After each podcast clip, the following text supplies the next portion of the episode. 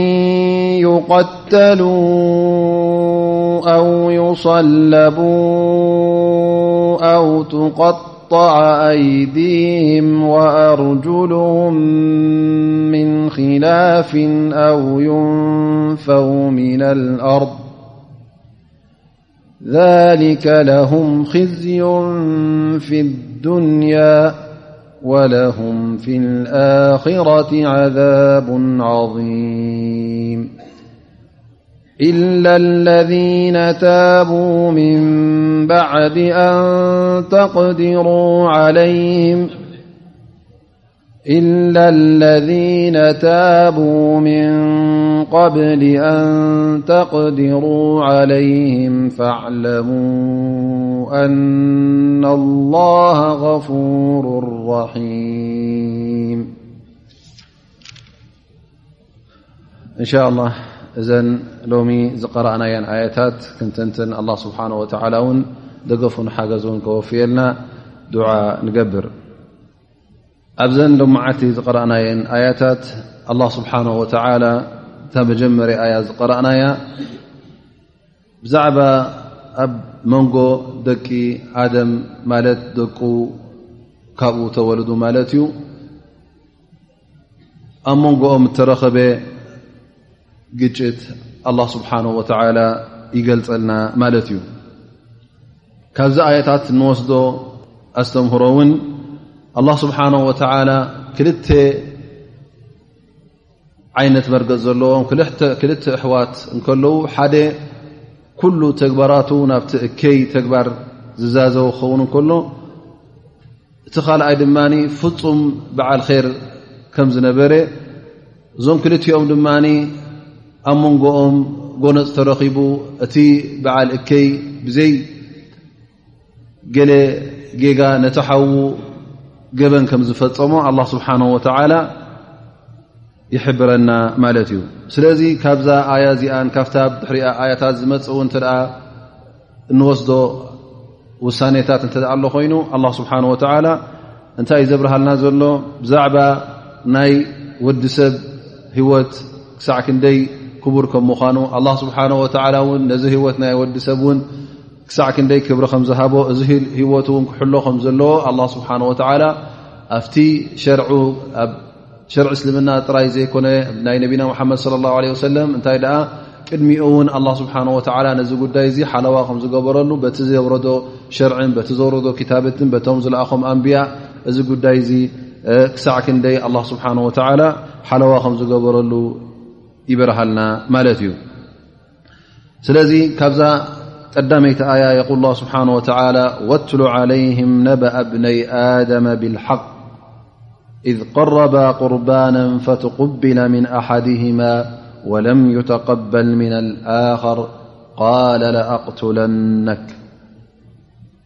ቃል እነማ የተቀበሉ ላሁ ምና ልሙተቂን እቲ ቐንዲ ናይዞም ክልተ ኣሕዋት እውን እቲ መባእሲኦም እቲ ሽግር ዘምፅኦ እውን ናይ ሓሰድ ጉዳይ ከም ዝነበረ ኣላ ስብሓን ወተዓላ ኣብዚ ኣያ እዚኣ ሓቢሩና ማለት እዩ ምኽንያቱ እቲ ሓደ ኣላ ስብሓን ወተዓላ እቲ ዝገበሮ ናይ ቁርባን ናይ ሰደቃ ንኣላ ስብሓን ወተዓላ ዘቕረቦ ቁርባን ኣላ ስብሓን ወላ ክቕበሎ እንከሎ ናይቲ ሓደ ስለ ዘይተቐበሎ ኣብ ነፍሱ ሓሰድ ስለ ዘሕደረ ነቲ ሓዉ ክፀልኦ ተረኺቡ ማለት እዩ ኣብ ርእሲኡ እውን ብሱና ናይቶም ማለት ኣብ ናይ ኣስሓብ ነቢ ለ ላ ለ ወሰለም ዘፅንሑልና ካብ ነቢ መሓመድ ስ ሰለ ዝሰምዑዎ ይኹን እቶም ኣስሓብ ነቢ ተሰምዐ ይብሉ ኣብቲ ታሪክ ናይ ሰይድና ኣደም ወለ ውላድ ክውለዱ ከሎ ኣላ ስብሓን ወተላ ማንታ ከም ትወልድ ንሰይዳ ሓዋ ማንታ ከም ትወልድ ወድን ጓልን ትወልድ ነራ ማለት እዩ ብዘይካኦም ድማ ካልእ ሰብ ስለ ዘይነበረ እዞም ኣሕዋት እዚኦም ነንሕዶም እዮም ዝመርዓዉ ነይሮም ማለት ክመርዓዉ ከለዉ ወድን ጓልን ኣብ ሓደ ከብዲ ወይ ከዓ ካብ ሓደ ከብዲ ተወለዱ ማለት ማንታ ዝነበሩ እዚኦም ክልቲኦም ከም ኣሕዋት ይቁፀሩ ስለ ዝነበሩ እቲ መርዓ ከመ ይካየድ ነይሩ እቲ እታ ምስኡ ትውለድ ጓል ንሳ ይኮነን ዝወስድ እንታይ ደኣ ነታ ምስ ካልእ ተወለደት ጓል ይወስድ ማለት እዩ ስለዚ ሃቤል ቃቤል ክልኦም እዞም ክልተ ደቂ ኣደም እዚኦም ኣላ ስብሓን ወተላ ንሃቤል ምስ ተወለደት ጓል ነራ ማለት እዩ ቃቤል እውን ምስ ተወለደት ጓል ነራ እታ ምስ ሃቤል ተወለደት ጓል መልክዓ ፅብቕቲ ነበርን ግንታ ምስ ቃቤል ተወለደት ጓል ፅብቕቲ መልክዕ ስለ ዝነበረ እቲ ቃቢል ሕጂ ኣነስ እታ ሓፍተይ ቀዳምነት ኣነ ንዓ ክወስዳ ኣለኒ ኢሉ ነቲ ዝነበረ ሸርዒ ንዕኡ ክጥሕስ ደልዩ ማለት እዩ ነዚ ክጥሕስ ምስ ደለየ ኣቦኡ ሰይድና ኣደም ይኽልክሎ ማለት እዩ ምስ ተኸልከለ ድማ እሞ ኣብ ምንታይ ይበፃሕ ማለት እዩ እንተ ደኣ ሕጂ እቲ ንደልዮ ዘለና ሓቀኛ እንተ ኮይኑ ብኣላ ስብሓን ወተላ ፍቑድ እንተ ኮይኑ ክልቴና ቁርባን ነቕርብ ተባሃሂሎም ማለት እዩ መን ሃቤል ምስ ቃቤል ክልቲኦም ቁርባን ምስ ኣቕረቡ እቲ ሓቂ ምስ ሃቤል ከም ዝነበረ ንክረጋገፅ እቲ ቁርባን ናይ ሃቤል ኣላ ስብሓን ወተላ ተቐቢልዎ ናይ ቃቢል ግን ኣይተቐበሎን ስለዚ እቲ ናይ ሓሰድ ጉዳይ ኣብ መንጎ ክልቲኦም ዝነበረ ከምዚ ኢሉ ጠጢዑ እዚ ድማ ዩ ኣብ መንጎ ክልቲኦም ጎንፂ ክርክብ ወይ ከዓ ክርከብ ብከምዚ ምክንያት እዩ ተረኪቡ ኢሎም ዑለማ ይዛረብሉ ማለት እዩ ላ ስብሓን ወተላ ናይዞም ክልተ ሰባት እዚኦም ዛንታ ክነግረና እንከሎ እቲ ፋይዳ እንጥቀቦ እቲ ዛንታ ምስማዕ ጥራይ ዘይኮነ ትባእስን ትሓሰድን ኣላ ስብሓን ወተላ ከም ዘይፈትዎን ኣብ ርእሲኡ ድማ እንተ ሓደ ወዲ ሰብ ኣብ ልቡ ቂምታ እተ ኣሕዲሩ እተ ሓሰድ ኣለዎ ኮይኑ ካብዚ እውን ናብ ምቕታል ናብ ካልእ ነገር ክሰግር ስለ ዝኾነ ካብዚ ጉዳይ ዚ ክርሕቕ ከም ዘለዎ ኣላ ስብሓን ወተላ ንመጠንቀቕታ ኢሉ እዚ ታሪክ ናይ ደቂ ሰይድና ኣደም ይሕብረና ማለት እዩ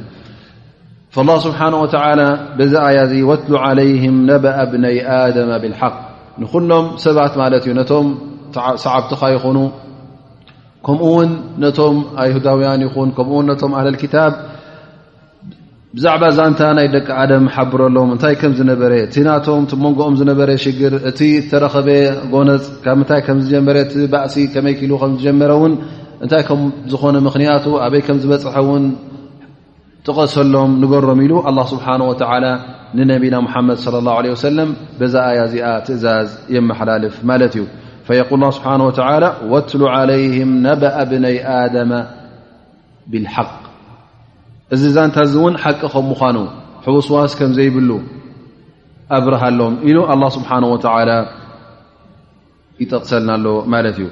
እታ ኣላ ስብሓን ወተላ ቐንዲ ሽግር ዝጠቐሳ ድማ እታ ናይ ኣብ መንጎ ክልቲኦም ዝነበረ እታ ቁርባን ናይ ሓዲኦም ምብቕባልን ናይቲ ካልኣይ ብዘይ ምብቕባልን ተረኸበ ጎነፂ ጠቂሱልና ማለት እዩ እቲ ካልእ ድማ ዝጠቐስናዮ ብዝያዳ በቲ ናይ እብኒ ዓባስ ሰይድና እብኒ ዓባስ ዝበልዎ ካብቶም ኣስሓብ ነቢ ካብቶም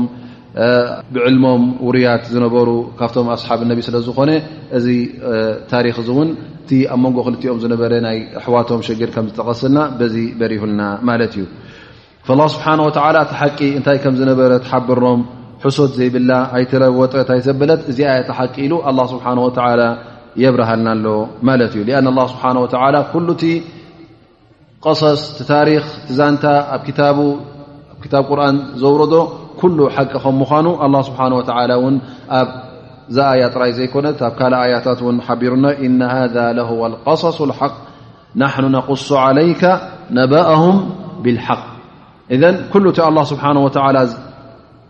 ጠቕሰና ዘሎ ዛንታ ናይቶም ዝሓለፉ ሓቂ ከም ምዃኑ ኣብ ቁርን ዝፀናሓና እሱ ትቕኑዕ ከም ምዃኑ ክንኣምን ግዴታ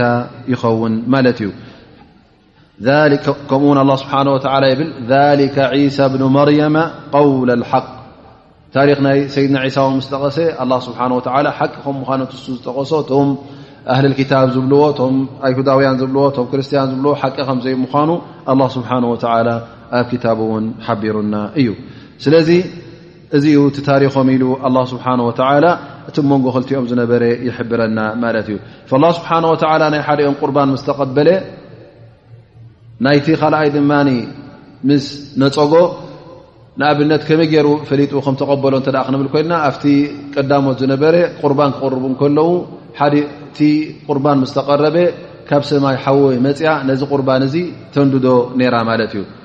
ሃቢል ካብቲ ጥሪቱ በጊዕ ክቕርብ ከሎ ቃቢል እውን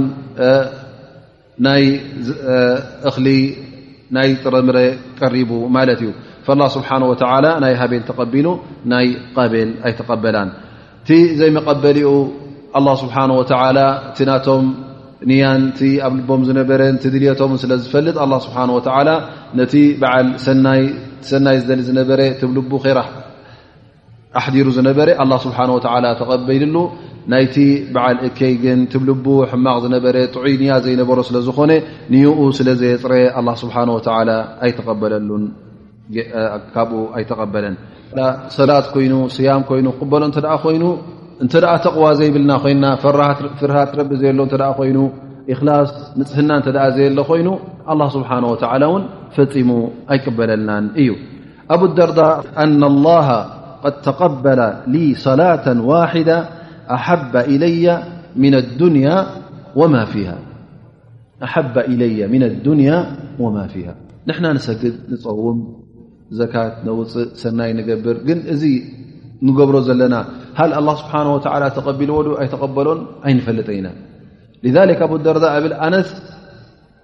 ሓንቲ ሰላት ኣላ ስብሓን ወተላ ሓንቲ ሰላት ጥራይ ከም እተቐበለለይ ርግፀኛ እተዝኸውን ነረ እዚ ካብ ኩሉ ብዱንያ ዝርከብ ንዓይ ካብኡ መሓሸኒ ነይሩ ብዝያዳ ንዕኡ እፈቱ ነረ ይብል ስለዚ እንተ ኣላ ስብሓን ወላ ሓንቲ ነገር ተቐቢሩካ እዛ ነገር እዚኣ ቀላል ከም ዘይኮነት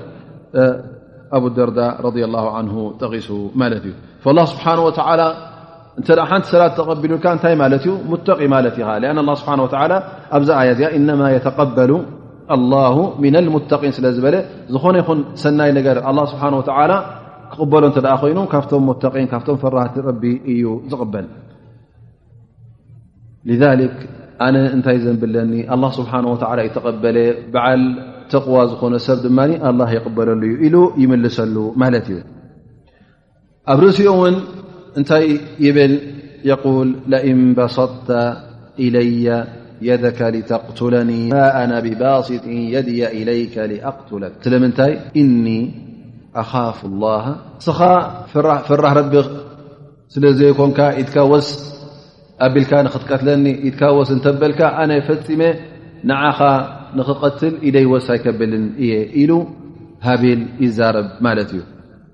ኣነ ፈፂመ ኢደይ ትንዕ ኣይብለካን እየ ምክንያቱ ኣነ ንኣላ ስብሓን ወተላ ይፈርሆ እየ ወዲ ሰብ ምቕታል እውን ዘንቡ ዓብ ስለ ዝኾነ ንኣላ ስብሓን ወተላ የቆጥዕ ስለ ዝኾነ ኣነ እውን ነዚ ጎይታይ እዚ ፈርሆ ስለ ዝኾንኩ ፈፂመ ትስኻ ሓሲብካዮ ዘለኻ ኣነ ኣይክሓስቦን እየ ኢሉ እቲ በዓል ሰናይ ትሳልሒ ዝኾነ ወዲ መሊሱ ማለት እዩ ነቲ ሓዉ ከምዚ ኢሉ ይምልሰሉ ስለዚ ኣነስ ፈፂመ ወላ እውን እስኻ ንሕማቕ ሕሰብ ዳኣ እምበር ኣነ ወላ እውን ኣይከላኸልን እየ እዚ እውን ጥራይ ኣይኮነንዶ ንስኻ ከይቀተልካኒ ከምቲ ስኻ ሓሲብካዮ ዘለካ ኣነ ወስ ከይበልኩካ ከለኹ እከይ ከይሓሰብክልካ ከለኹ ንክትቀትለኒ ሓሲብካዮ ዘለካ ኣይኮነን ዶ ከምኡ ንክሓስብሲ ወላ እውን ንስኻ በዚ ሓሲብካዮ ዘለካ ወላ እውን እናቀተልካኒ ከለኻ እውን ኣነ ውን ንክከላኸል ነብሰይ ንክከላኸለላ ፈፂመ ኢደይ ወሳ የብል እየ ኢሉ ከምዚ ዝበለ መልሲ ይመልስ ማለት እዩ በል እንተ እዚ ጉዳይ እዚ ኣብ ዝባነይ ክወደቕ እተ ኮይኑ ሰብሪ ገይረ ብፅንዓት ክቕበሎ እየ እቲ ካብ ኣላ ስብሓን ወተላ ዝፅበየኒ ኣጅር እውን ንዕኡ ክረክብ ምእንቲ ፈፂመ ኣነ ኢደይ ወሳ የብል ኢሉ ይምልሰሉ ማለት እዩ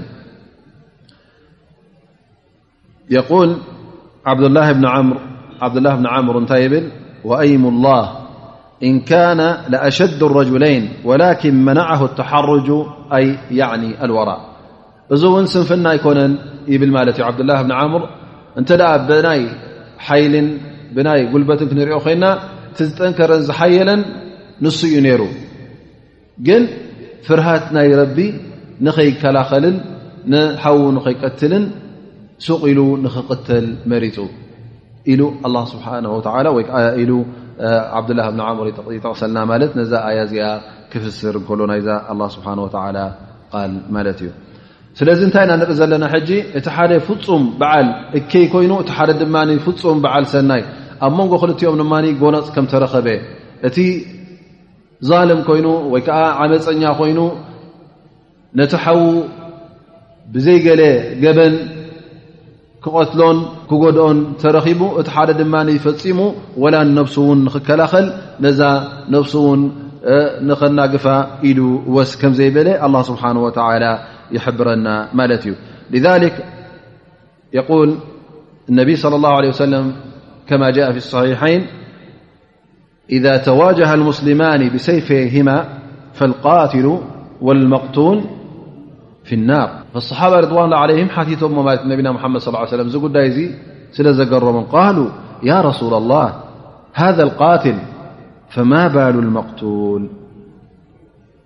ቃለ እነሁ ካነ ሓሪሰ ዓላ ቀትሊ ሳሒቢ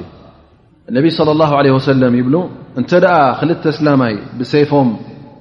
ጠብ ሴፍ ጠቒሱ ማለት እዩ ዝኾነ ይኹን ብሴፍ ኮይኑ ብጠበንጃ ኮይኑ ብሽጉጥ ኮይኑ እንተ ደኣ ክልቲኦም ንክቃተሉ ገፅ ንገፅ ተራኺቦም እቲ ቀታልን እቲ እተቐትለን ክልቲኦም ንእሳተ ጀሃንም እዮም ይብሉ ነቢና ሙሓመድ ለ ላ ለ ወሰለም እዚ ጉዳይ እዚ ምስ ሰምዑ እቶም ኣስሓብ ነቢ صለ ላه ለ ወሰለም ኣገሪምዎም ማለት ያ ረሱላ ላህ እቲ ዝቐተለስ ሕራይ ፈሊጥናዮ ስለምንታይ ንጀሃንም ከም ተባህለ እቲ ተቐትለ ድኣ እንታይ ዘንቡ ተቐትሉን ነብሱ ጠፊኡን ሲ ከመይ ገይሩ ድኣ ንጀሃንም ይኸውን ኢሎም ይሓቱ ማለት እዩ ፈነቢ صለ ላሁ ለ ወሰለም እንታይ ኢሎም ይምልሱ ክልቲኦም ነንሕድሕዶም ሴፍ ሒዞም ካራ ሒዞም ብረት ሒዞም ገፅ ንገፅ ክቃተሉን እዮም ደው ኢሎም ነይሮም እቲ እውን ንክቐትል ድርዊ ነይሩ ማለት እዩ እቲ ቀዲሞ ኮይኑ ዳኣ እምበር ነቲ ክቐትሎ ሓሲቡ ዝነበር ንክቐትሎስ ድልው ስለ ዝነበረ በታንያ ናቱ ንክቐትል በታንያ ናቱ እሱ እውን ይቕፃዕ ማለት እዩ ወላ እውን ኣብ ግብሪ ትውዓል ንክቐትል ስለ ተበገሰ ላ ስብሓን ወተላ ንክልትኦም ይቐፅዖም ማለት እዩ ስለዚ ሓደ ሰብ ንሓዉ ኣስላማይ ንክቐትል ክልትኦም ንንሕዶም ንክቃተሉ ክብገሱ ከምዘይብሎም ጌጋ ከም ምዃኑ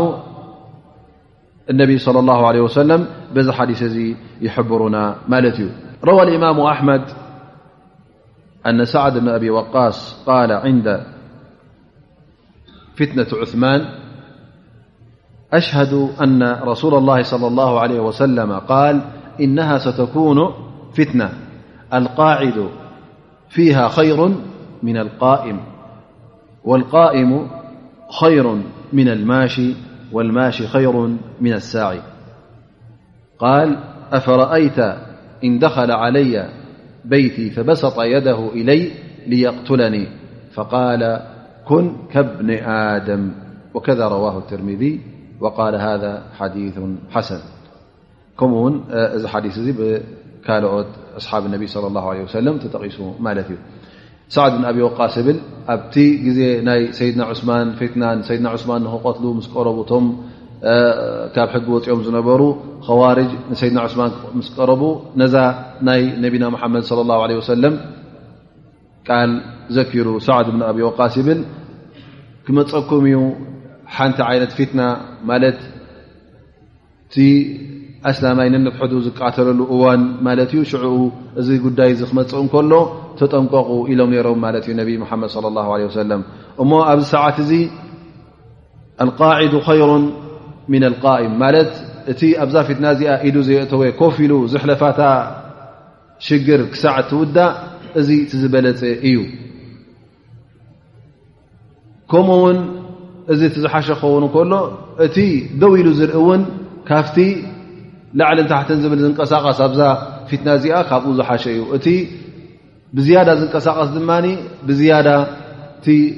ዝኸፍአ እዩ ማለት እዩ ስለዚ እንታይ ማለት እዩ ኣብዛ ሽግር እዚኣ ኣብዛ ፊትና እዚኣ ኣብዛ ምቅታል እዚኣ ብዝኾነ ይኹን ሓገዝ ትገብሮ ወይ ከዓ ትካፈሎ ከምቲ ምክፋልካ ጌጋኻ ትስከም ኣለኻ ማለት እዩ ስለዚ እቲ ዝዘለ ዘሎ ፈፂምካ ኢድካ ከተእትወላ ከምዘይብልካ ክትርሕቕ ከም ዘለካ እዩ እነቢ ለ ላ ለ ወሰለም ዝሕብረና ዘሎ በል እነቢ ስ ሰለ እንታይ ኢሎም ሓቲቶሞ ኣፈረኣይታ እንካነ ደኸለ ዓለይ ኣብዚ ግዜ ፊትና እዚ ኣብዚ ግዜ ሽግር እውን እንተ ኣብ ገዛይ መፅኡ ንክቀትለኒ እተ መፅኡ ኣነስ እንታይ ይገብር ኢሉ ይሓትት ማለት እዩ ሓደ ካብቶም ኣስሓብ ነቢ ለ ላ ሰለም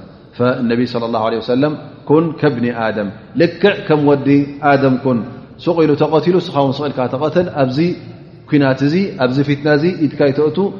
ኣይትቃተል ማለት እዩ ነቢ ለ ላ ለ ሰለም ኣጠንቂቕዎም ሓሊፉ ወይ ከዓ ኣጠንቂቕዎም ከይዱ ማለት እዩ እቲ ጉዳይ እውን እቲ ዝበለፀ እዚ መርገፂ እዚ ከም ምኳኑ ወላ ነብስኻ ውን ከይተኸላኸልካ ብዝያዳ ድማ ኣብቲ ግዜ ፊትና ማለት እዩ ኣብቲ ሓቅን ጌጋን ዘይፍለጠሉ እዋን ነንሕድካ ምቅታልን ዝበፅሓሉ እዋን እተ ተረኪቡስ ኣብዚ ግዜ እዚ ኢትካ ክተቱ ከምዘይብልካ እነቢ ለ ላ ለ ወሰለም ሓቢሮምና ማለት እዩ ስለዚ እዛ ናይ ሰይድና ኣደም ናይ ደቁ ዛንታ ውን ንሪኣ ዘለና እቲ ምቅታል ውን ፍቱ ከምዘይኮነ ብቀደሙ ውን በዓል ር እተ ኮይኑ እቲ ሓደ ወዲ ኣደም ከም ዝነፀጎ ይበርሃልና ማለት እዩ ቀዳማይ ነገር ከም ዝጠቀሶ እኒ ኣካፉ ኣላ ረብ ዓለሚን ኢሉ ቀዳማይ ነገር እቲ ንዓይ ንክከላኸል ዘይደፋፍኣኒ ንኣላ ስብሓን ወተላ ስለ ዝፈርህ ይብል ኣብ ርእሲኡ ድማ እኒ ሪዱ ኣንተቡኣ ብእትሚ ወእትሚካ ፈተኩነ ምን ኣስሓብ ናር ኣነ ውን ስለምንታይ እየ ንዓኻ ንክጎድእካ ንክቀትለካ ወይከዓ ንክከላኸል ኢለ ንኻ ክቀትለካ ዘይፍትን ምክንያቱ እንተ ክቀትለካ ፈቲነ ኣነ ውን ኣብ ዘንቢ ንኸይወድቕ እስኻ ባዕልኻ ብኢደወነነኻ ንክትቀትል ካብ ሓሰብካ ባዕልኻ ብኣ ትረኽባ ንስኻ ዘንበይን ዘንብኻን ተሰኪምካ ማለት ናይቲ ትቐትለኒ ዘለኻ ዘንቢ ተሰኪምካ ቅድሚኡ ዝገበርካዮ ጌጋታት ዝነበረካ ኩሉ ተሰኪምካ ኣብ ርእሲኻ ብ ዝባንካ ኮይኑ ፅባሕ ንግሆ ኣብ ቅድሚ ኣላ ስብሓን ወተዓላ ንሓዊ ጀሃነብ ክትኣት ከም ምዃንካ እሱ እዩ መጨረሽኡ ስለ ዝፈልጥ ኣነ ፈፂመ ኢደይ ኣየልዕለልካን እየ ኢደይ ወስ ኣይብለልካን እየ ይብሎ ማለት እዩ እኒ ኡሪዱ ኣን ተቡኣ ብእትሚ ወእትሚክ እትሚ ማለት እቲ ናተይ ዘንቢ ማለት ብሰንኪ ምቕታልካ ትስከሞ ዘለካ ብሰንኪ ንዓይ ብምቕታልካ ትስከሞ ዘለካ ዘንቢ ወእትሚካ እቲ ዘንቢካ ድማ ቅድሚ ሕጂ ዝገበርካዮ ዘንቢ ዝነበረካ ፈተኩነ ምን ኣስሓብ ናር ከምኡ እውን እንተ ቀትልካኒውን በዓ ቀታል ነብሲ ድማ ኣላ ስብሓን ወተላ ብእሳተ ጀሃንም ከም ዝቐፅዖ በዚ ኣያ እዚ እውን ዝያዳ ይበርሃልና ማለት እዩ ፈተኩነ ምን ኣስሓብ ናር ወሊከ ጀዛء ظልሚን እዚ ድማ እቲ ዓስቢ ናይቶም ዓመፀኛታት ኣላ ስብሓን ወተላ ኣብ ዮም ቅያማ በዚ እዩ ዝቐፅዖም መቕፃዕቶም ናይቶም ዓመፀኛታት ሰብ ዝቐትሉ ገንዘብ ሰብ ዝወስዱ ኣላ ስብሓን ወተላ ፅባሕ ንግሆ እታ ብታ እሳተ ጀሃንም ገይሩ እዩ ዝቐፅዖም ኢሉ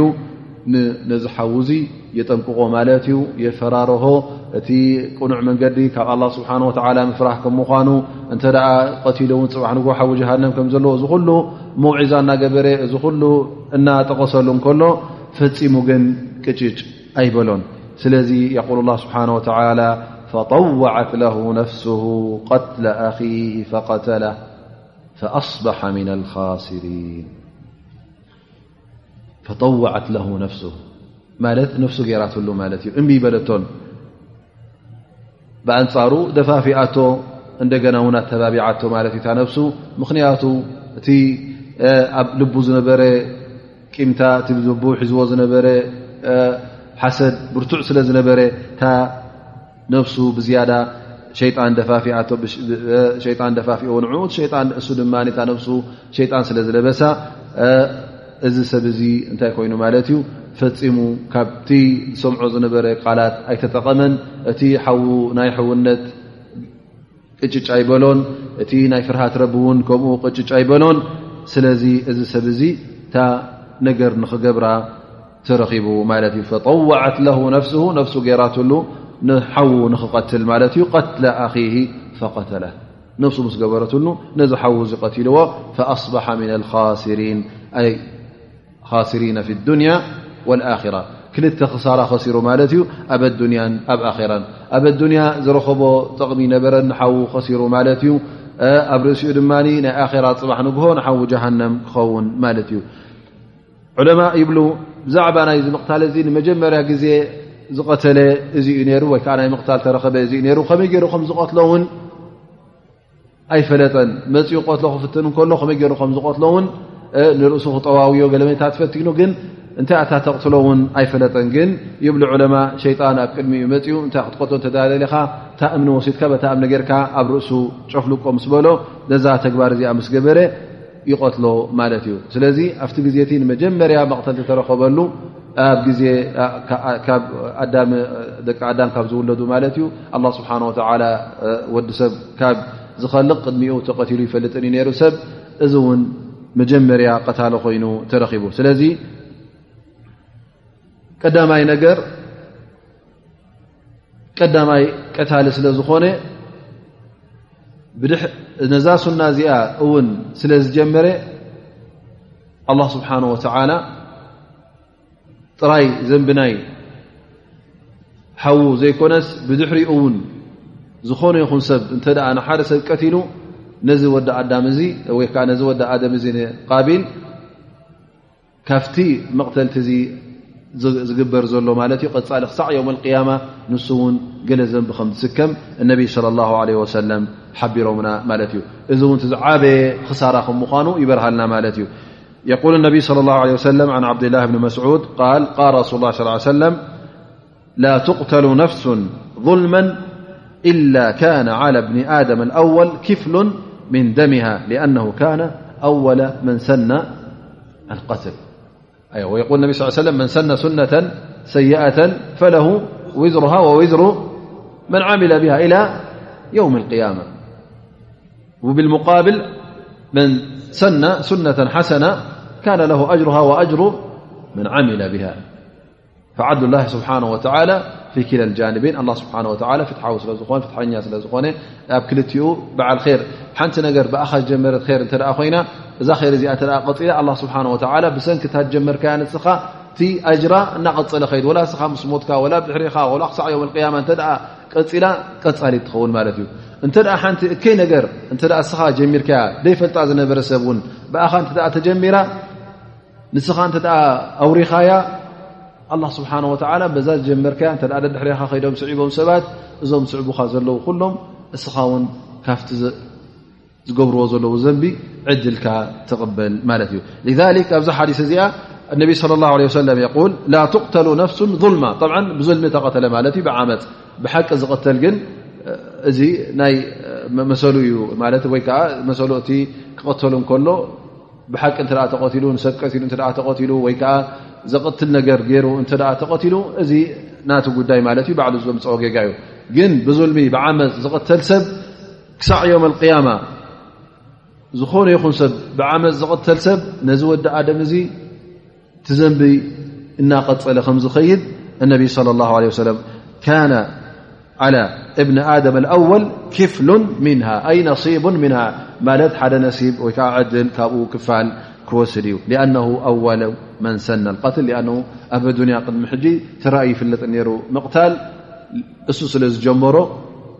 بسنكذ جبر سن نس ن ت ي زنب بح لت ي عبدالله بن عمر أنه كان يقول إن أشقى الناس رجلا لبن آدم الذي قتل أخاه ما سفك دم في الأرض منذ قتل أخاه إلى يوم القيامة إلا لحق به منه شر وذلك أنه أول من سنى القتل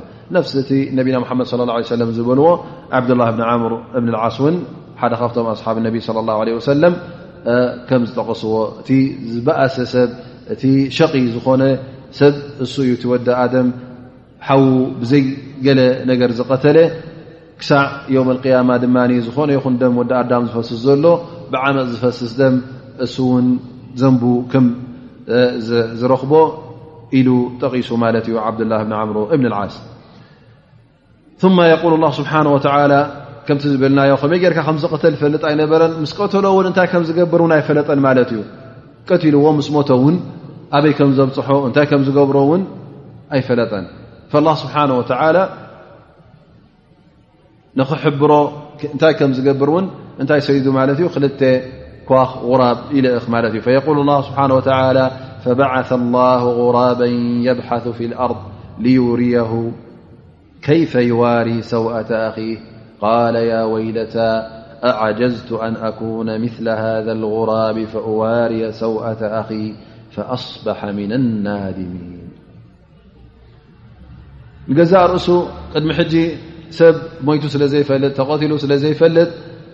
ነዚ ሓዉ ዚ ተሰኪሞ ኮለ ልብል ነይሩ ማለት እዩ እንታይ ከም ዝገብሮ እውን ጠፊእዎ ነይሩ ላኪን ኣላ ስብሓን ወተላ ኳኽ ሰዲዱ ማለት እዩ ምዉት ኳኽ ነይሩ ወይ ከዓ ክልቲኦም ይብሉ ዑለማ ኣብ ቅድሚኡ ክቃተሉን ክናቆቱን ርእዎም ሓዲኦም ነቲ ሓደ ምስ ቀተለ ኩዕት ኩዕት ኣቢሉ ምስ ደፈኖ እዚ ምስ ረኣየ ድማ እንታይ ክብል ጀሚሩ ያ ወይለታ ኣዓጀዝቱ ኣን ኣኩነ ምላ ሃ غራብ ኣነስ ብዝ ኹሉ ኣእምሮይ ምስዝ ኹሉ ዓቕለይሲ ከምዚ እንስሳ እዚ ከይከውንዶ ወይ ከዓ ከይኮንኩ ካብኡ ሰኒፈ ኢሉ ክዛረብ ተረኪቡ ማለት እዩ ከመይ ዩ ኣ እዚ ነዝሓዉ ከመይ ገይሩ ደፊንዎ ከመይ ገይሩ እውን ካብ ዝባኑ ከም ዘውረዶ ምስ ረኣየ እዚ ሰብ እዚ ሕጂ ልክዕ ንሃቢል ሓዉ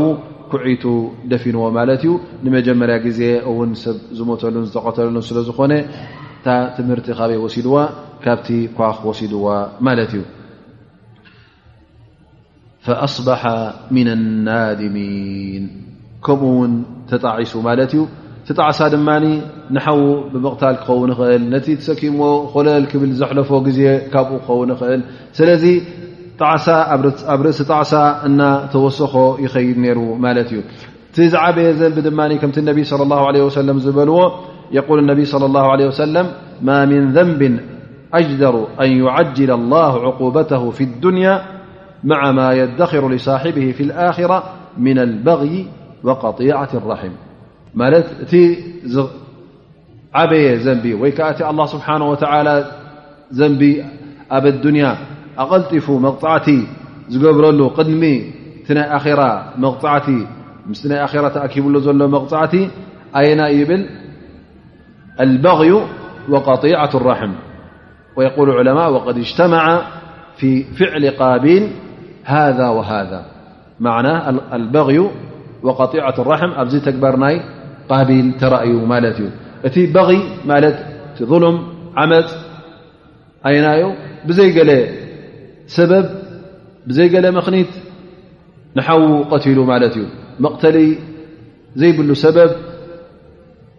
ቀትልዎ እዚ ሓደ እንታይ እዩ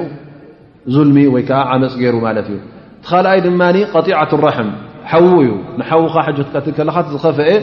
ኣይኮነ ንጓና ይቀተለን እንታይ ደኣ ንሓዉ ወደብኡን ወደዲኡን ክቀትል እንከሎ ክልትኡ እዚ ነገር እዚ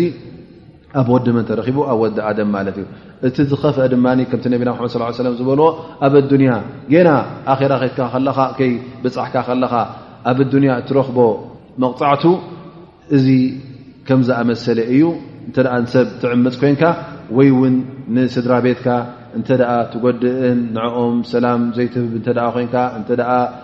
ካብኦም ትርሕቕ እተ ኮንካ ንኦም ትሸግር እተ ኮንካ ንኦም ዘይፈትዎን ሶም ፀልዎን ጥራይ ትገብር እተ ኮንካ ኣብ መንጎኻን ኣብ መንጎቶም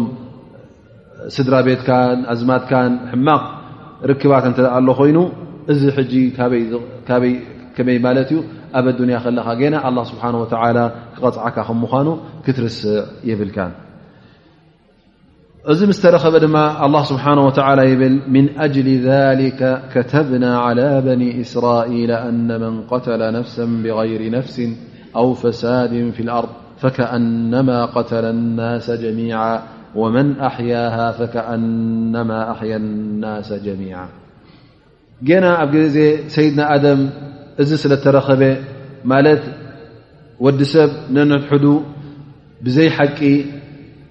ክቃተል ስለ ዝኾነ ብዘይ ሓቂ እውን ስለ ዝቐተለ ዙልመን ወዕድዋና ብዓመፅ ብዘይ ገበሮ ገበን ንሓዉ ስለ ዝቐተለ ከምዚ እውን ክርከብ ከም ምዃኑ ስለ ዝፈለጥና ይብል ኣላ ስብሓን ወተዓላ ንበኒ እስራኤል ኣብቲ ዘውረድናዮ ሸርዒ ኣብቲ ዝሃብናዮም ሸርዒ ኣብቲ ዘውረድናዮ ክታብ ማለት እዩ ኣብቲ ነቢና ሙሳ ሒዞሞ ዝመፅ ሸርዒ ኣላ ስብሓን ወተላ እንተ ደኣ ሓደ ሰብ ንሓደ ሰብ ብዘይገለ ምኽኒት ማለት ሰብ ቀትሉ ዘይኮነ ወይ ከዓ ካልእ ገበን ከይፈፀመ ዘቐትል ገበን ከይፈፀመ እንተ ደኣ ቀትሉ እዚ ሰብ እዚ መቕፃዕቱ ይብል ኣላ ስብሓን ወተላ ቀዳማይ ነገር ንሓደ ሰብ እንተ ቀትልካ ልክዕ ንኩሎ ሰብ ከም ዝቐተልካ እዩ ዝቁፀር ነይሩ ማለት ሓደ ሰብ ንሓደ ሰብ ክቐትል እንከሎ እንተ ንስኻስ ነዚ ትቐትሎ ዘለኻ ሰብ ብዘይ ገለ ገበን ቀትሉ ይኮነ ካልእ ገበን ገይሩ ከይኮነ ሱቕ ኢልካ ብዓመፅ እንተ ቀትልካዮ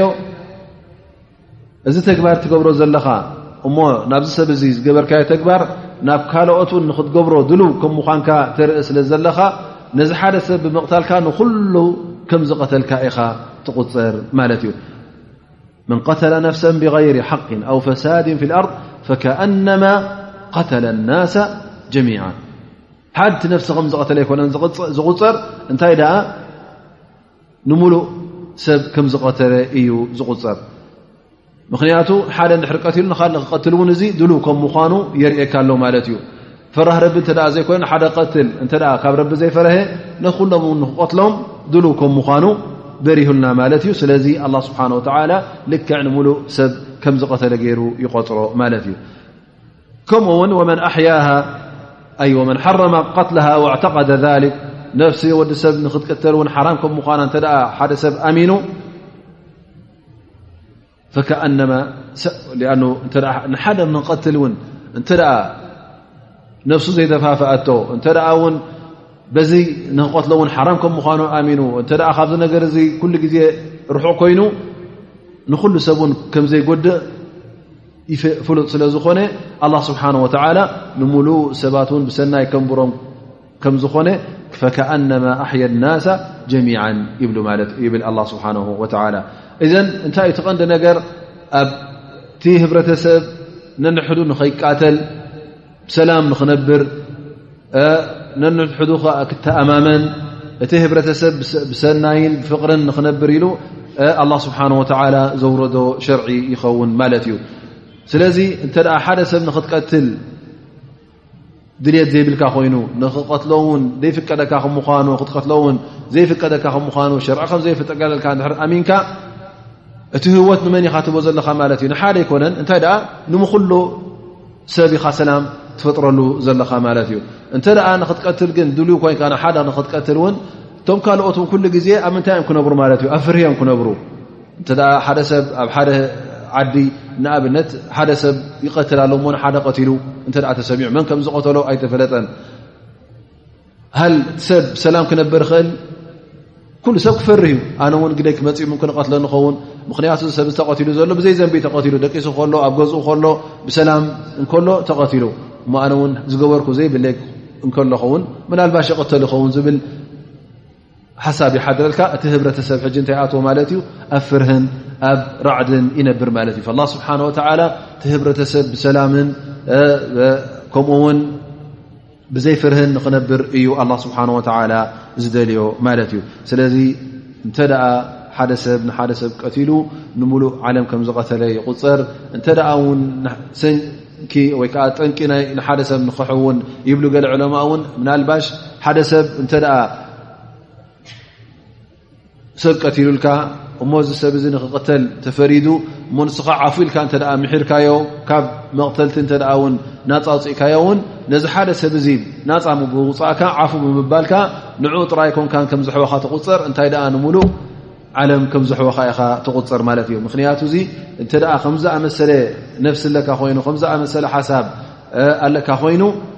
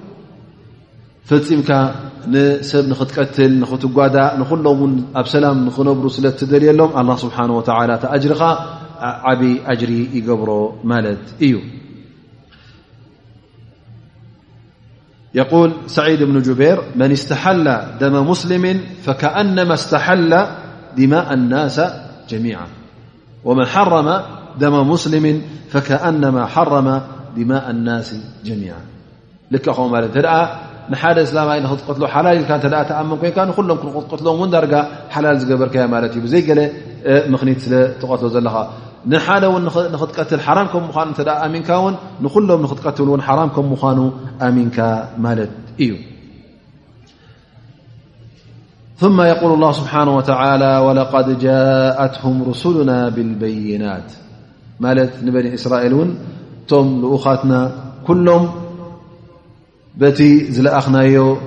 መርትዖታትን በቲ ዝለኣኽናዮ መብርህታትን ሒዞም መፂኦም እዮም እቲ ኩሉ ሒዞሞ ዝመፁ መብርህን መርትዖታትን እውን ንኹሉ ብሩህን ግሉፁን ከም ምዃኑ በቶም ኣንብያእን በቲ ዘውረድናዮ ክታብትን በሪሁ ከም ምዃኑ ኣላ ስብሓን ወተላ ይሕብረና ማለት እዩ ወለቀድ ጃእትሁም ርሱሉና ብልበይናት ኩሉ ብሪሃትሎም እዮም እቶም ልኡኻትና ነቶም በኒ እስራኤል ኩሉ ከም ዘብርህሎም ኣላ ስብሓን ወተላ ይሕብር ማለት እዩ ግን ثመ እነ ከራ ምንሁም ባዕደ ذሊከ ፊ ልኣርض ለሙስርፉን ግን እዚ ኩሉ ልኡኻት እናለኣኽና ከለና እዚ ኩሉ ክታብቲ እናውረድና ከለና እዚ ኩሉ መብርህ እናሰደድና ከለና መብዝሕቶም ነዚ ንሰዶ ዘለና ነዚ ነውርዶ ዘለና ሓቂ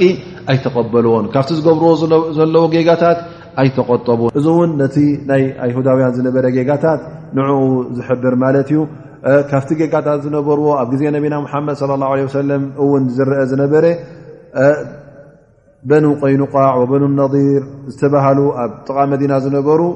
ኣይሁዳውያን እዮም ነይሮም እዞም ሰባት እዚኦም ገሊኦም ምስቶም ኦስ ለፊኖም ገሊኦም ድማ ምስ ኸዝረጅ ለፊኖም ነነትሕዶም ይቃተሉ ነይሮም ዝተቃተሉን ዝተኣሳሰሩ ግን ዳሕራይ ነቶም ኣይሁዳውያን ዝሞቱ እቶም ኣይሁዳውያን ጋር ነፍሲ ይኸፍልዎም ነቲ ተኣሰረ ድማ ከፊሎም የውፅዎ ነይሮም ማለት እዩ ነዚ ነገር እዚ እውን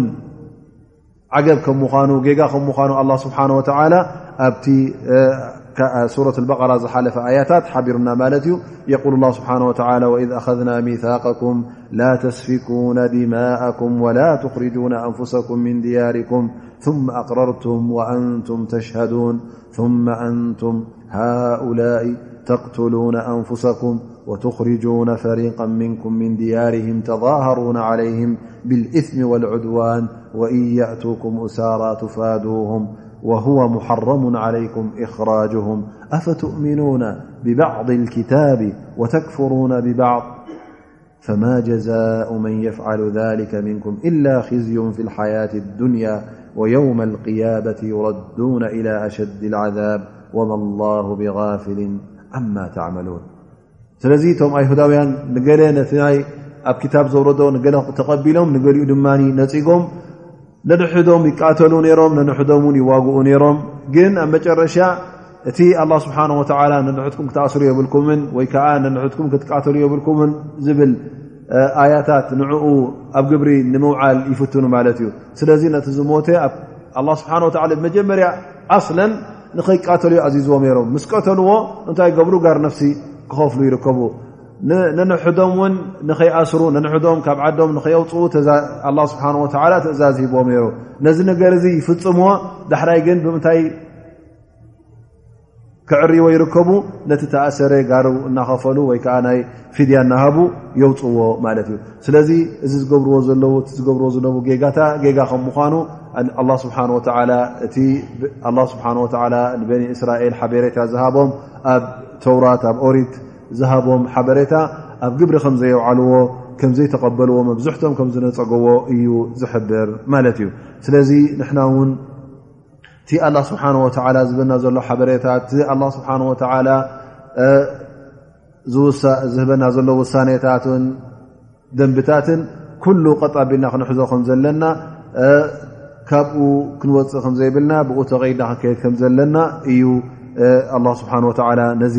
ናይቶም ኣይሁዳውያን ታሪክ ዝጠቕሰልና ዘሎ ማለት እዩ ድሕሪ እዚ ኣላ ስብሓን ወተላ እውን ከምኡ ውን ነቲ ሓላዋ ናይ ነፍሲ ወዲ ሰብ زرئي مالتيو يقول الله سبحانه وتعالى إنما جزاء الذين يحاربون الله ورسوله ويسعون في الأرض فسادا أن يقتلوا أو يصلبوا أو تقطع أيديهم وأرجلهم من خلاف أو ينفوا من الأرض ذلك لهم خزي في الدنيا ولهم في الآخرة عذاب عظيم እዚ ኣያ እዚኣ ቀዳማይ ነገር እቲ ኣልሒራባ ዝበሃል ማለት ንሰብ ምቕታል ብዘይገለ ገበን ማለት ኣብ መንገዲ ኮይንካ ሰብ ክትከትር ገንዘቡ ትወስድ ኮይኑ ንኡ ክትቀትል ኮይኑ ንኡ ክትፈራርህ ኮይኑ እዚ ጉዳይ እዚ ዓብይ ገበን ከም ምኳኑ ጌጋ ከም ምኳኑ ኣብ ኣዱንያ መቕፃዕቲ ከም ዘለዎ እናሓበረ ኣብ ርእሲኡ ድማ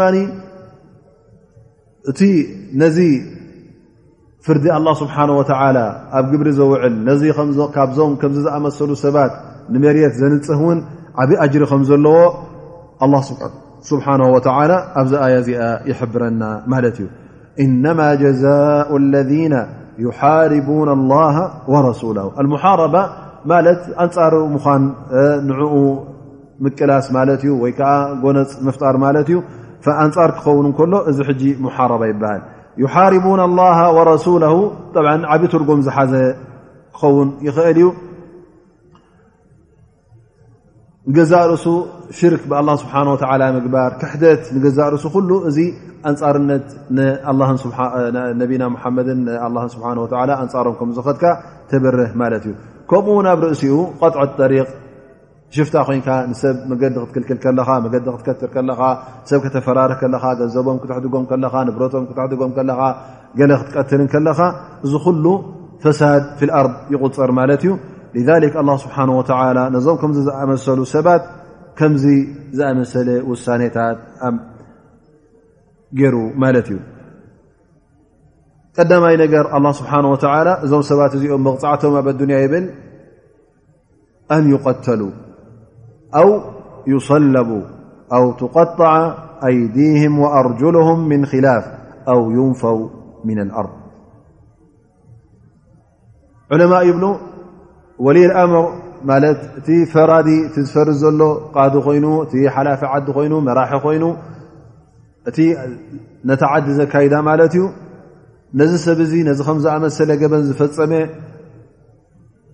ካብዘን መቕፃዕትታት እዚአን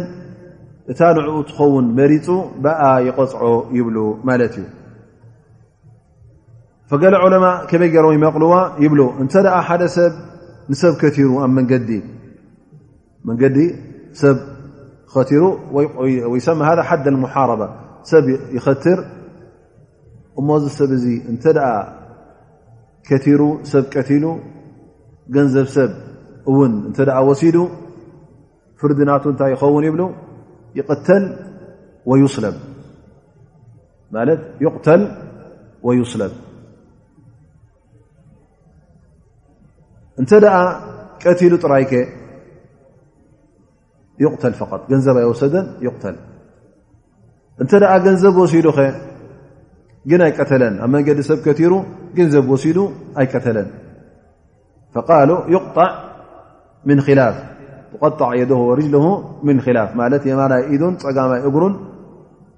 ይቆረፅ ግን ኣይቅተልን እዩ ማለት እዩ ምክንያቱ ስለዘይቀተለ ጥራይ ገንዘብ ስለዝወሰደ እንተ ሰብ ኣበሳቢሱ ጥራይ ከ እተ ሰብ ኣበሳቢሱ ኣፈራሪሁ ግን ገንዘብ ኣይወሰደ ሰብ ኣይቀተለ እንታይ ግበር እዚ እንታይ ይኸውን ፍርዱ ዩንፋ ምን ኣር ዩንፋ ኣነፊ ዑለማ ገሊኦም ኢሎም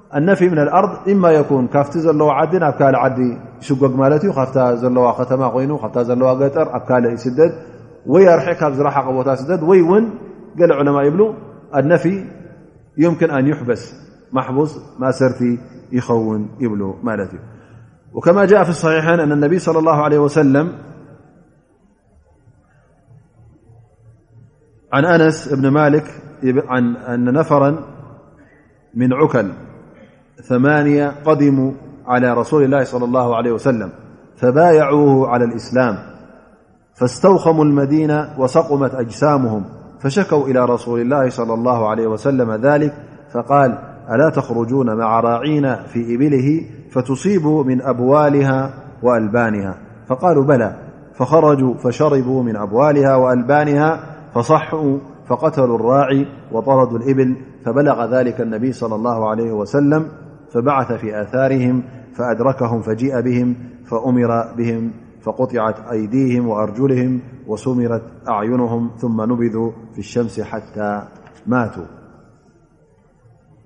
وفي لفظ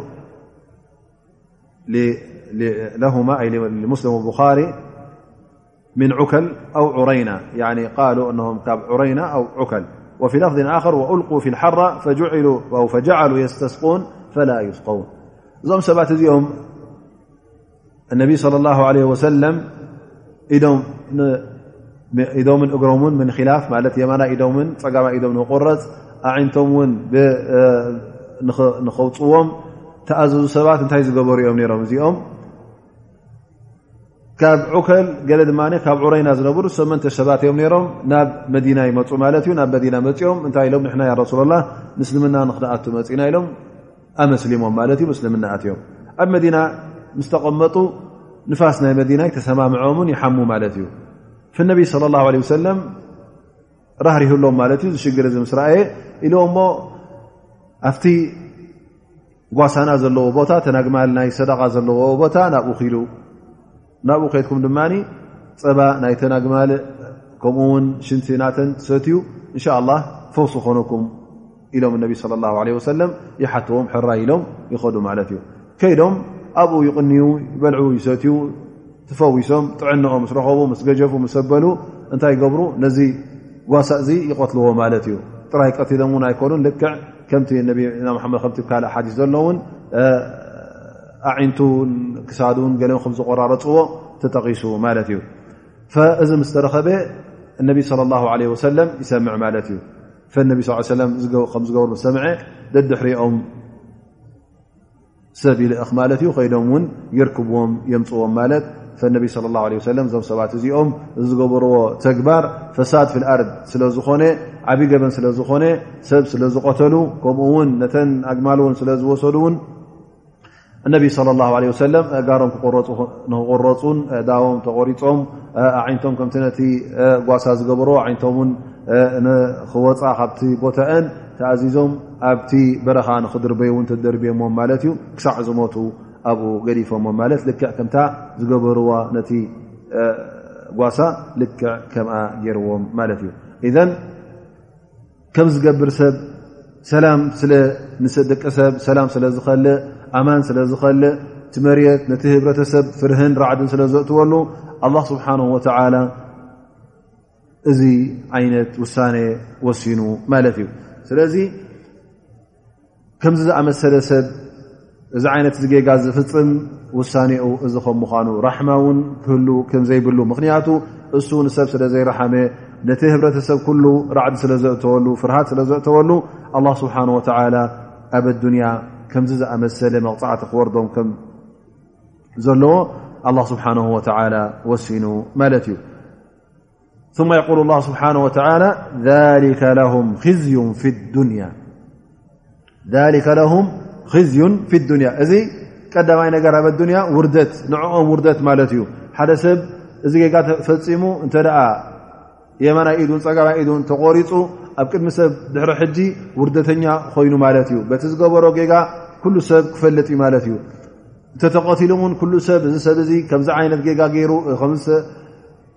ሸፊቱ ንሰብ የፈራርህን ይቀትልን ከም ዝነበረ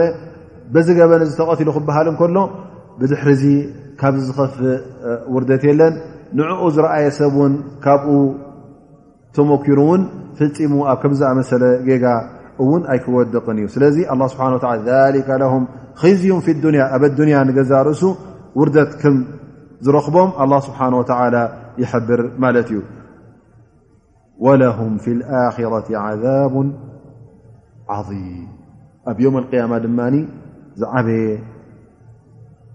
መቕፃዕቲ ዝዓበየ ስቃይ እውን ይፅበዮም ከም ዘሎ ኣላ ስብሓን ወተላ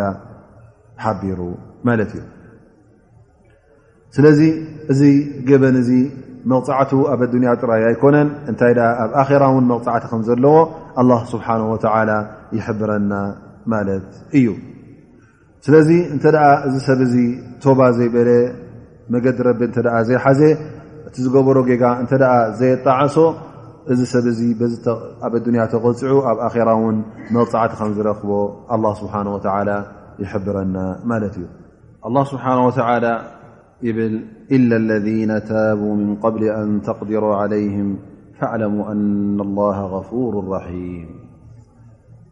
ማለት እንተ እዞም ከምዝኣመሰለ ጌጋ ዝፈጠሩ ሰባት እንተ ባዕልኹም ዘይሓዝኩሞም ግን ባዕሎም ከይሓዝኩሞም ከለኹም ቶባ ኢሎም እተ መፅኦም ኣላ ስብሓን ወተላ እዞም ሰባት እዚኦም ቶባኦም ይቕበለሎም እዩ ንሳሐኦም ይቕበለሎም እዩ ማለት እቲ መቕፃዕቲ ኣይቅፅዑን እዮም ነዚ ጌጋታት እዚ ወላ ውን ፈፂሞም ነሮም ይኹኑ ወላ ውን ሰብ ቀትሎም ነሮም ይኹኑ ወላ ውን ገንዘብ ሰብ ወሲዶም ነሮም ይኹኑ እንተ ደኣ ባዕሎም ኢዶም ሂቦም እዞም ሰባት እዚኦም ኣላ ስብሓን ወተላ እቲ ዝገበርዎ ገበን ኩሉ ምሒርዎም እዩ ኣብ ኣዱንያ እውን ክቕፅዑ የብሎምን ይብሉ ዑለማ ማለት እዩ أصحاب النبي صلى الله عليه وسلم نذ ل ترد جبر نت رنا ون نذي دي جبر أوعل يم روا ابن جرير عن عامر الشعبي قال جاء رجل من مراد إلى أبي موسى وهو على الك وهو وال على الكوفة في إمارة عثمن رضي الله عنه بعد ما صلى المكتوبة فقال يا أبا موسى هذا مقام العائذ بك أنا فلان بن فلان المرادي وإني كنت حاربت الله ورسوله وسعيت في الأرض فساد وإني تبت من قبل أن تقدروا علي فقام أبو موسى فقال إن هذا فلان بن فلان وإنه كان قد حارب الله ورسوله وسعى في الأرض فسادا وإنه تاب من قبل أن نقدر عليه فمن لقيه فلا يعرض له إلا بخير فإن يك صادقا فسبيل من صدق وإن يك كاذبا تدركه ذنوبه فأقام الرجل ما شاء الله ثم إنه خرج فأدركه الله تعالى بذنوبه فقتله እዚ ኣብ ሙሳ ኣሽዓሪ ዋሊ ናይ ኩፋ ከሎ ኣብ ግዜ ኣብ ዘመን ሰይድና ዑማን ረ ላ ን ሓደ ካብ በኒ ሙራድ ዝበሃል መፅኡ ያ ኣባ ሙሳ ብሎ ኣነ ከምዝ ከምዝ ነረ ካብቶም መን ዓደ ላ ን ሓረብ ላ ረሱ ሰዓ ፊ ኣር ፈሳድ ካብኦም እየ ነረ ግን ሕጂ ከይሓስኩምኑ ከለኹም ባዕለይ ተባይለ መፅ ይብል እነኹ ይብሎ ማለት እዩ ሰይድና ኣብ ሙሳ ኣሻር ይብል ተሲኡ እዚ ፍላን ወዲ ፍላን ወዲ ፍላን ሙራድ እዩ መፅኡ እ ሕጂ ኢዱ ሂቡ ተባይሉ ስለዚ ዝኾነ ይኹን ሰብ እተ ረኪቦ ዝፈፂሙ ትንክፍ ከብሉ የብሉን ይብል ማለት እዩ ምክንያቱ እተ ሓቀኛ ኮይኑ ረቢ ሓቂ ይመላኣሉ ይብል እንተ ውን ሓስዩ ኮይኑ እውን ኣላ ስብሓን ወተላ ባዕሉ ክራኽበሉ እዩ ይብል ማለት እዩ ስለዚ ኣላ ስብሓን ወ ሕጂ ብዛ ኣያ እዚኣ እንታይ ዘርእየና ዘሎ እንተ ሓደ ሰብ እዞም ከም ዝገብር ጌጋ ዝሉ ከምዝኣመሰለ ገበን ዝፍፅም ዝነበረ እተ ተባይሉ ተመሊሱ ተብኡ ቅቡል ከም ምዃኑ መቕፃዕቲ እውን ከምዘይቕፃዕ እዩ ዝሕብረና ዘሎ ምክንያቱ እተ ነዚ ኣፍ ደገ ዚ ዓፂናዮ ኣብቲ ዘለዎ መርገፅ ኣብኡ ክፅል ስለ ዝኾነ ብዝያዳ ድማ ኣብ ንብረትን ኣብ ማልን ኣብ ሰብን እውን ውድኣት ከውርድ ስለ ዝኾነ ከምኡውን ካልኦ ንኡ ዝመስሉ ሰባት እውን እተ በዚሖም እ ናይ ሽፍትነት ጉዳይ ክጭረስ ስለ ዘይክእል ኣላ ስብሓን ወተላ ሕጂ ባብ ተውባ ከፊትሎም ማለት እዩ ንክምለሱ እዚ ሕጂ ምትብባዕ ማለት እዩ ስብሓ ወላ ነዚ ኣብ መንገዲ ሽእ ኮይኑ ሰብ ዘበሳብስ ዝነበረ እተ ቶባ ኢሉ ኣ ስብሓ ቶባ ከም ዝብለሉ ኣብ ኣዱንያ እውን ከምዘይቅፃዕ ኣ ስብሓ ወ ይሕብረና ማለት እዩ ምክንያቱ እቲ ተባነቱ ዝያዳ ጥቕሚ ስለ ዘለዎ ዝያዳ ረብሓ ስለ ዘለዎ እንተ ቀፂሉ ግን ንሓደ ቀትሉ ነይሩ ንክልተ ቀትሉ ዩ ዓሰተ ቀትልና ቀተለ ክኸይዱ ማለት እዩ ነዚ ኣፍ ደገ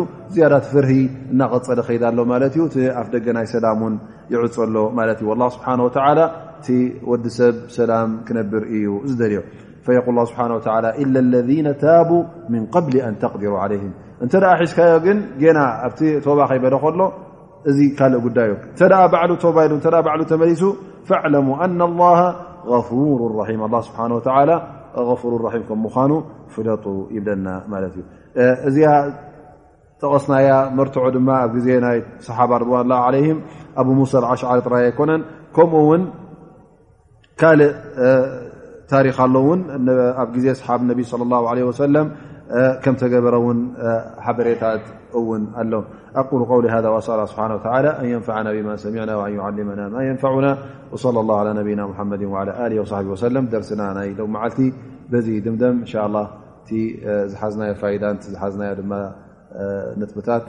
ን ዕድል ንኸፍት ን እወ ሎሚ መዓልቲ ዝወሰድናዮ ሓደ ነጥቢ እቲ ኣብ መንጎ ደቂ ኣደም ሃቢልን ቃቢልን ተረኽበ ጎነፅ ንኡ ተረዲእና ማለት እዩ እቲ ቀንዲ ሽግር ዘምፀኦ ድማ ናይ ሓሰት ጉዳይ ስለ ዝኾነ ኣ ስብሓ ወ ናይ ሓደኦም ተቐቢሉ ነቲ ሓደ ስለ ዘይተቐበሎ ውን እዚ ብከምዚ ሽግር ጀሚሩ እውን እቲ ሓደ ንሓዉ ከም ዝቐተለ እቲ መቕተልቲ እውን ሽዑ ከም ተጀመረ እዛ ነጥቢ እዚኣ ወሲድና ይብል ማለት እዩ እዎ እታ ናይ መርገፅ ናይ ሃቢል እንተ ርእና ሎም መዓልቲ ሓዉ ቆትሎ ምስ መፀ ፈፂሙ ኢዱ ትንዕ ከም ዘይብሎን ንክቆትሎ ከምዘይፍትንን እውን ከም ተዛረበ ርኢና ማለት እዩ እዚ ድማ እንታይ ዘርእየና ቀዳማይ ነገር ናይ ፈራህ ረቢ ስለ ዝኾነ ኢማን ስለ ዘለዎ ካልኣይ ነገር ድማ ነቲ ዝወርዱ ዘሎ ሽግር እውን ብሰብርን ብፅንዓትን ከም ዝቕበሎ እውን የርእየና ኣሎ ማለት እዩ ስለዚ እቲ ኢማንን እቲ ፅንዓትን ሰብርን እውን ኩሉ ግዜ ኣድላይ ከም ምኳኑ እንተ ኣላ ስብሓን ወተላ በዓል ር ገይርኳ ኮይኑ ር ትፈቱ እተ ኮንካ በዓል ኢማን እተ ኮንካ ኩሉ ግዜ እታ ሰብርን እታ ኢማንን እውን ኣድለይቲ ከም ምኳና በሪሁልና ማለት እዩ ካብታ ሎም መዓልቲ ዝሓዝና ድማ መን ሰነ ሱነة ሰይኣ ካነ ለ ዊዝር ሃ ዊዝር መን ዓመለ ብያ ቃቢል መጀመርያ መቕተልቲ ዝጀመረ ስለ ዝኾነ ብድሕሪኡ ዝርከብ ዝኾነ ይኹን መቕተልቲ ብዓመፅ ዝግበር መቕተልቲ ካብቲ ዘንብ እቲ ካፈል ከም ምኳኑ ነዚ ዘንብ እዚ ቐፃሊ ከም ምኑ ንዕኡ እውን በሪሁልና ማለት እዩ ስለዚ እንተ ደኣ ሓደ ነገር ክንገብር ከለና እዛ ንገብራ ዘለና ነጥቢ እተ ብኣና ትጅምር ኣላ ኮይና ኩሉ ግዜ ር ድያስ እከይ ድያስ ክነርኢ ኣለና ማለት እዩ እተ ንና እከይ ጀሚርና ድሕሬና ሰብ ስዒቡናስ ኣብዚ እከይ ዚ ንና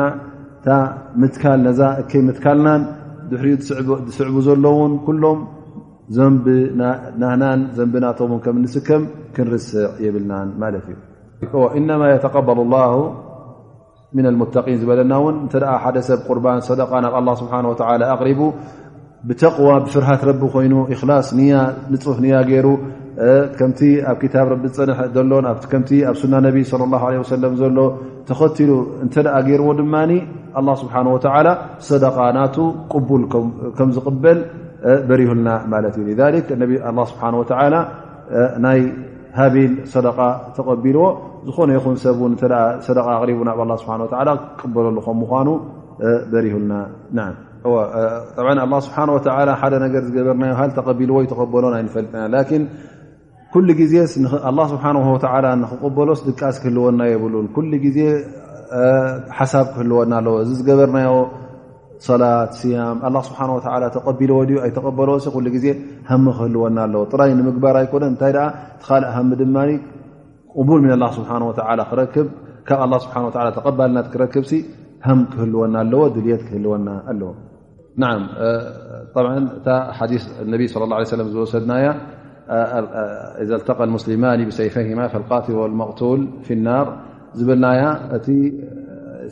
ናይ ሃቢል ተግባር እተ ርእና እውን መቕቱል ኮይኑ እተረኸበ ውን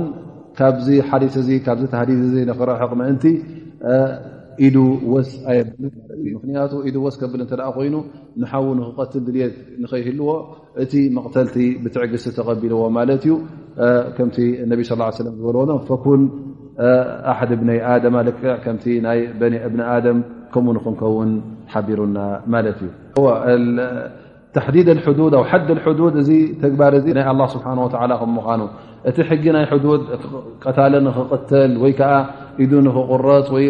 ኢዱ እግሩ ንክቁረፅ ዝበሃል ኩሉ እዚ ሕግታት እዚ እዚ ሕዱድ እዚ ኣላ ስብሓን ወላ ዘውረዶ ከም ምዃኑ ክንርዳእ ኣለና ጥራይ ኣብ ግዜና እውን ኣይኮነን ንበኒ እስራኤል እውን ኣላ ስብሓን ወተዓላ እውን ብዛዕባ ናይ ጋር ነፍሲ ናይ ምቕታል ነፍሲ ከመይ ጌርካ ከም ዝፍደ እንታይ ከም ምዃኑ ዘንብ እውን ኣላ ስብሓን ወተላ እውን እቶም ቅድሜና ዝነበሩ እማታት እውን ጉዳዮም እቲ ዝወረዶም ሸርዕን እቲ ኣላ ስብሓን ወላ ኣብ ክታብ ዘውረደሎምን ውሳኔ ዝሃቦምን እውን ደሪሁልና ማለት እዩ ስለዚ ናይ ሎሚ ደርስና እንሻ ላ ኣብዚ ድምደም ኣቁሉ ቀውሊ ሃ ኣስኣላ ስብሓን ወተላ ኣን የንፍዓና ብማ ዓሊምና